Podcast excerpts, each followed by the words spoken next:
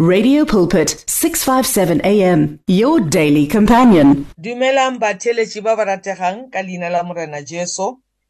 Le dumediša ke wa lena ke mašadi wa ga mathosa. Re sa buile ka topic ya rena ebile mo motlha re e tswalela. Re bolela ka the promise of heaven. Ebile leeto le le telele fela go na le tše dintšhi tše re ithutileng tšona and ke dumela gore le lena modimo has encouraged your hearts by reminding you that there's a beautiful city waiting for you. Ke kgopela gore le mamotlha pele re tlo rapela eh, pele re tlo thoma motheeletši wa ka re thome ka go rapela.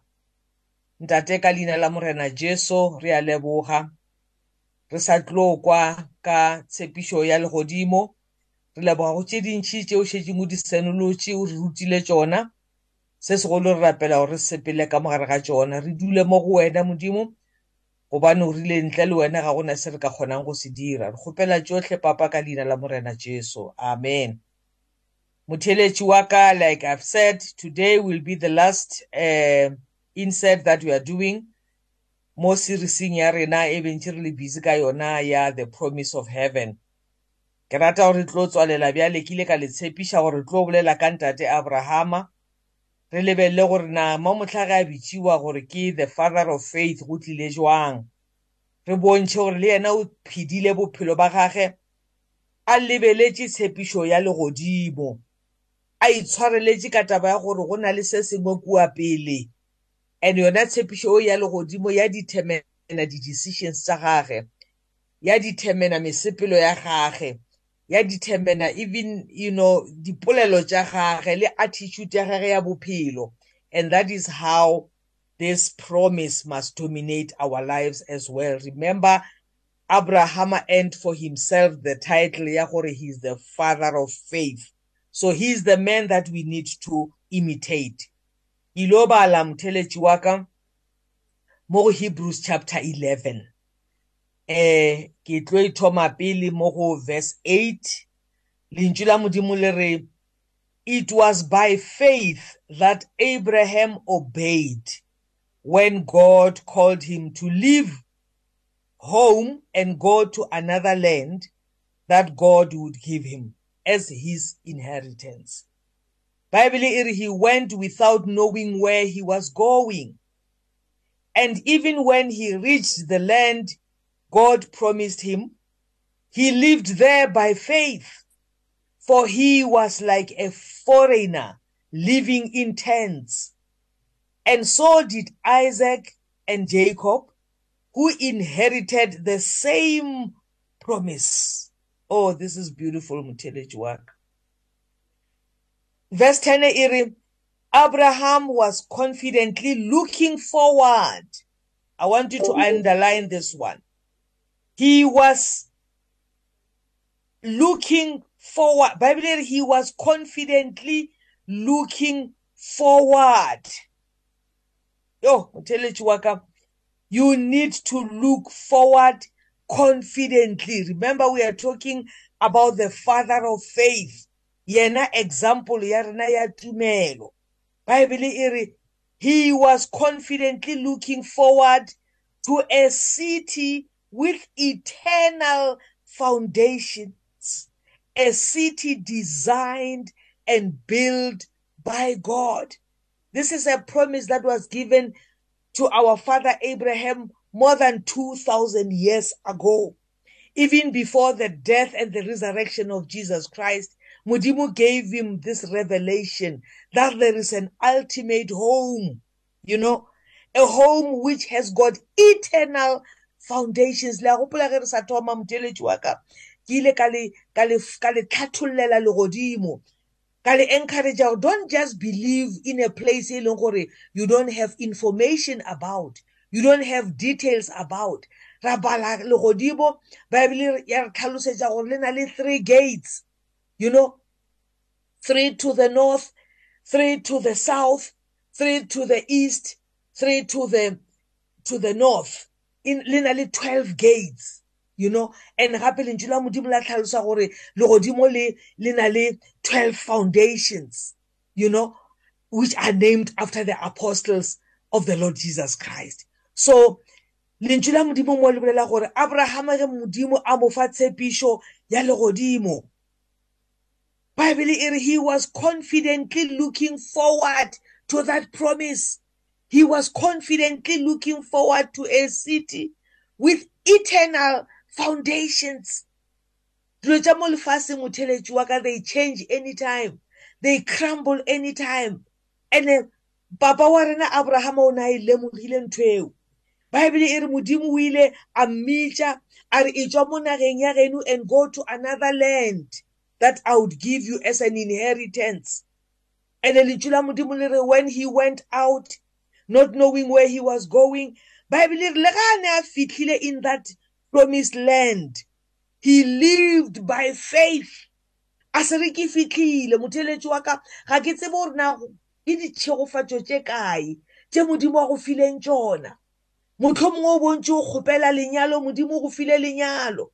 Motlho mongwe o bo o kgopela ntlo modimo o go file ntlo. Motlho mongwe o bo o kgopela koloi modimo go file koloi motlho mongwe o bo o kgopela mmereko modimo go file mmereko. Ekwa gore na ntate wa rena abrahama ge modimo a mo file dilo tše beng a di kgopela o phela jwang? Lentswe la modimo le re even when he reached the land god promised him he lived there by faith. So motheletši wa ka ga ke tsebe gore na gona mo o fitlhileng gona mo o hweditšeng modimo a go file ditshepišo tša nna a go file tšona o phela jwang? Lentšu la modimo le re ntate wa rena abrahama mola modimo a montšhitšeng nageng ya gabo a mo fitlhiša to the promised land. Lentšu la modimo le re even when he reached the land god promised him he lived there by faith. So go ra le mošomong o ileng wa o rapelela wa o humana motheletši wa ka bereka mola phela mola o phele ka tumelo. O sekebe wa latlhegela ke tumelo ya gago ka gore o ipotsa gore o fitlhile.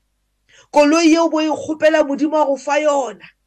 E reile o ntse o tshwere tumelo ya morena jesu. O sekebe wa latlhegelela ke tumelo ya gago ka baka la gore o hweditše koloi yeo bontseng o e kgopela. E ka ba e le gore bo o kgopela lenyalo modimo o go file lona. Phela gona moo ka tumelo. O sekebe wa latlhegelela ke tumelo mo go morena jesu. Lentšu la modimo le re even when our father abraham reached the land god promised him he lived there by faith. E kwa gore ge e tswela pele e reng e re for he was like a foreigner. Le a gopola throughout this series e ntse re e dira ne re tlhalosa taba gore re ba fiti mo lefaseng re ka le rata jwang? We live like foreigners gobane re tshepišitšwe gae legodimong. So lentšu la modimo le re abraham did exactly the same thing. When he was in that promised land bible e re he was like a foreigner. He lived in tents. You know? Live in a tent. O ntse o le in that house ye modimo a go fileng yona. Live like a foreigner. Don't be too comfortable. Mo lefaseng gobane lefase le le ya feta. Dilo tša lefase le they are temporary. Go na le scripture se sengwe se re se badileng bekeng e fetileng. Mo lentšu la modimo le be le re kgothatsa gore we must fix our eyes on the things that cannot be seen. Gobane things that can be seen are temporary motheletši wa ka. But things that cannot be seen are permanent. So we can see that our father Abraham lived by the same principles. He did not focus, he did not focus his eyes on the things that were temporary. He lived like a foreigner. He lived in tents, you know. He had the whole land. He owned the own the whole country, but he refused to build. He lived in tents. And then le tlhalosa gape the reason why. Ka ne re sa le mo go hebrews chapter 11 if some of you may be wondering gore na re bala ko kae? So gone jwale ke ile bala chapter uh, uh, sorry verse 10 verse 10 e re abraham was confidently looking forward to a city with eternal foundations. Motheletši wa ka there is a city with eternal foundations. Re tlhalositše go legodimo le na le 12 foundations that are named after the apostles of the Lord Jesus Christ. Go back and read the story. The structure of heaven.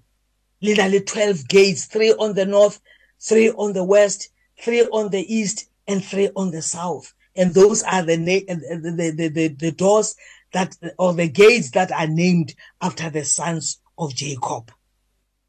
So lentswe la modimo le re abrahama le ge a ne a fitlhile nageng ye modimo a neng a mo tshepišitše yona a neng a mo file yona. He lived like a foreigner. He refused to build. He lived in tents you know because he was confidently looking forward to a city with eternal foundations. So motheletši wa ka ke sa go kgothatsa gore le wena let this be your attitude. Let it determine your actions. Let it determine how you walk. Let it determine how you treat others. Morena jesu a re abide in me. Johane a re abide little children abide in him you know. Abide in him so that when he appears we may have confidence and not shrink away from him in shame. At his coming. So tata go rena abrahama it was as though he knew these truths you know. He continued focusing on the promise that god had given him. He refused to build even though he was in the promised land.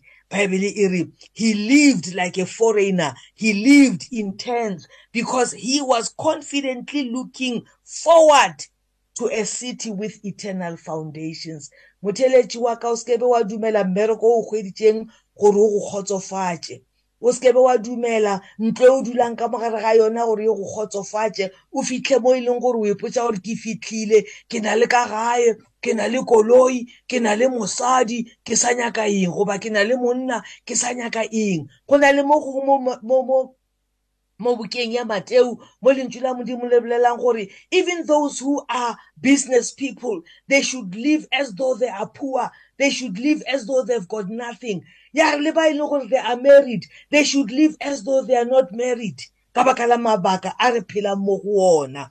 Refuse to be comfortable in this temporal world. Lentswe la modimo le re our father abraham he was confidently looking forward to a city with eternal foundations, a city designed and built by God. dikoloi tse re di reila motheletši wa ka they've been designed by people. Dintlo tse re dulang ka re ga tsona they've been designed by human beings. Diaparo tse re di aparang motheletši wa ka they were designed by people. A re lleleng go apara kobo ye re apešang ke modimo that has been designed by god.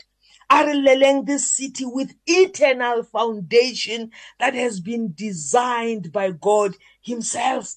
Motheletši wa ka a ebe sello sa pelo ya gago lentšu la modimo le re let us fix our eyes. Wa bona bophelo ba ntate wa rena abrahama gore ne le monna o ile gore his eyes were fixed on the things that were not seen. Naga ye modimo a neng a mo file yona e ne le naga ye a neng a e bona ka matlho. Mara a gana go dula a iketla a gana go kgotsofatsa ke yona naga ela a re nna ke nyaka that city which has got eternal foundations. So motheletši wa ka ge re re modimo o re file eternal life a bophelo ba gago bo fascinate ke things that are eternal. Kgetha dilo tše e le gore they are eternal over the things that are temporal. Lentšu la modimo le re what is seen everything that you see with your eyes motheletši wa ka is temporary. And then those things that you cannot see tše modimo a di tshepišang lentšu la modimo le re they are permanent. So continue to live your life like that. We've got an example in our father abraham o e leng gore bible e mmitša gore he is the father of faith. Ge re sa imitate the father of faith a ileng a re fa a good example ya go phela like a foreigner in this world motheletši wa ka. Gobane a bone gore it was some it was as though somehow he knew and understood gore lefase le le ya feta.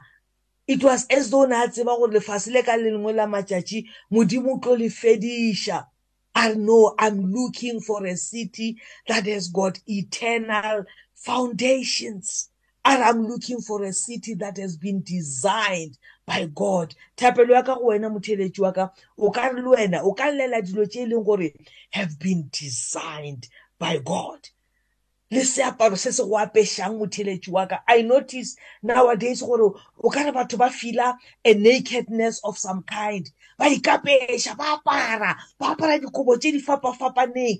Lele go apara seaparo se la se ileng sa designer ke modimo ka sebele baebele e re rena a kileng a re kgetha he has glorified us. Llela go apara glory ya modimo. Llela go apara kgalelelo ya modimo and o sekebe wa dumela gore e go latlhegele. Gobane ge e ka go latlhegela that is where you are going to start feeling the need ya go ikapeša ka diaparo tše di designileng ke batho. Gana go apara diaparo tše di designileng ke batho motheletši wa ka they are temporary. Tshwana le papa wa rena abrahama wa ileng a llela go apara kgalelelo ya modimo. Wa ileng a llela go apara kganya ya modimo motheletši wa ka nako e mpheletše a modimo wa kgotso a le tlhogonolofatše Get your daily bread, but also your faith in practice. It's 657 AM. The sounds of your life. Radio Pulpit understands that praying alone isn't always easy. So join us to form a chain of prayer for you and with you.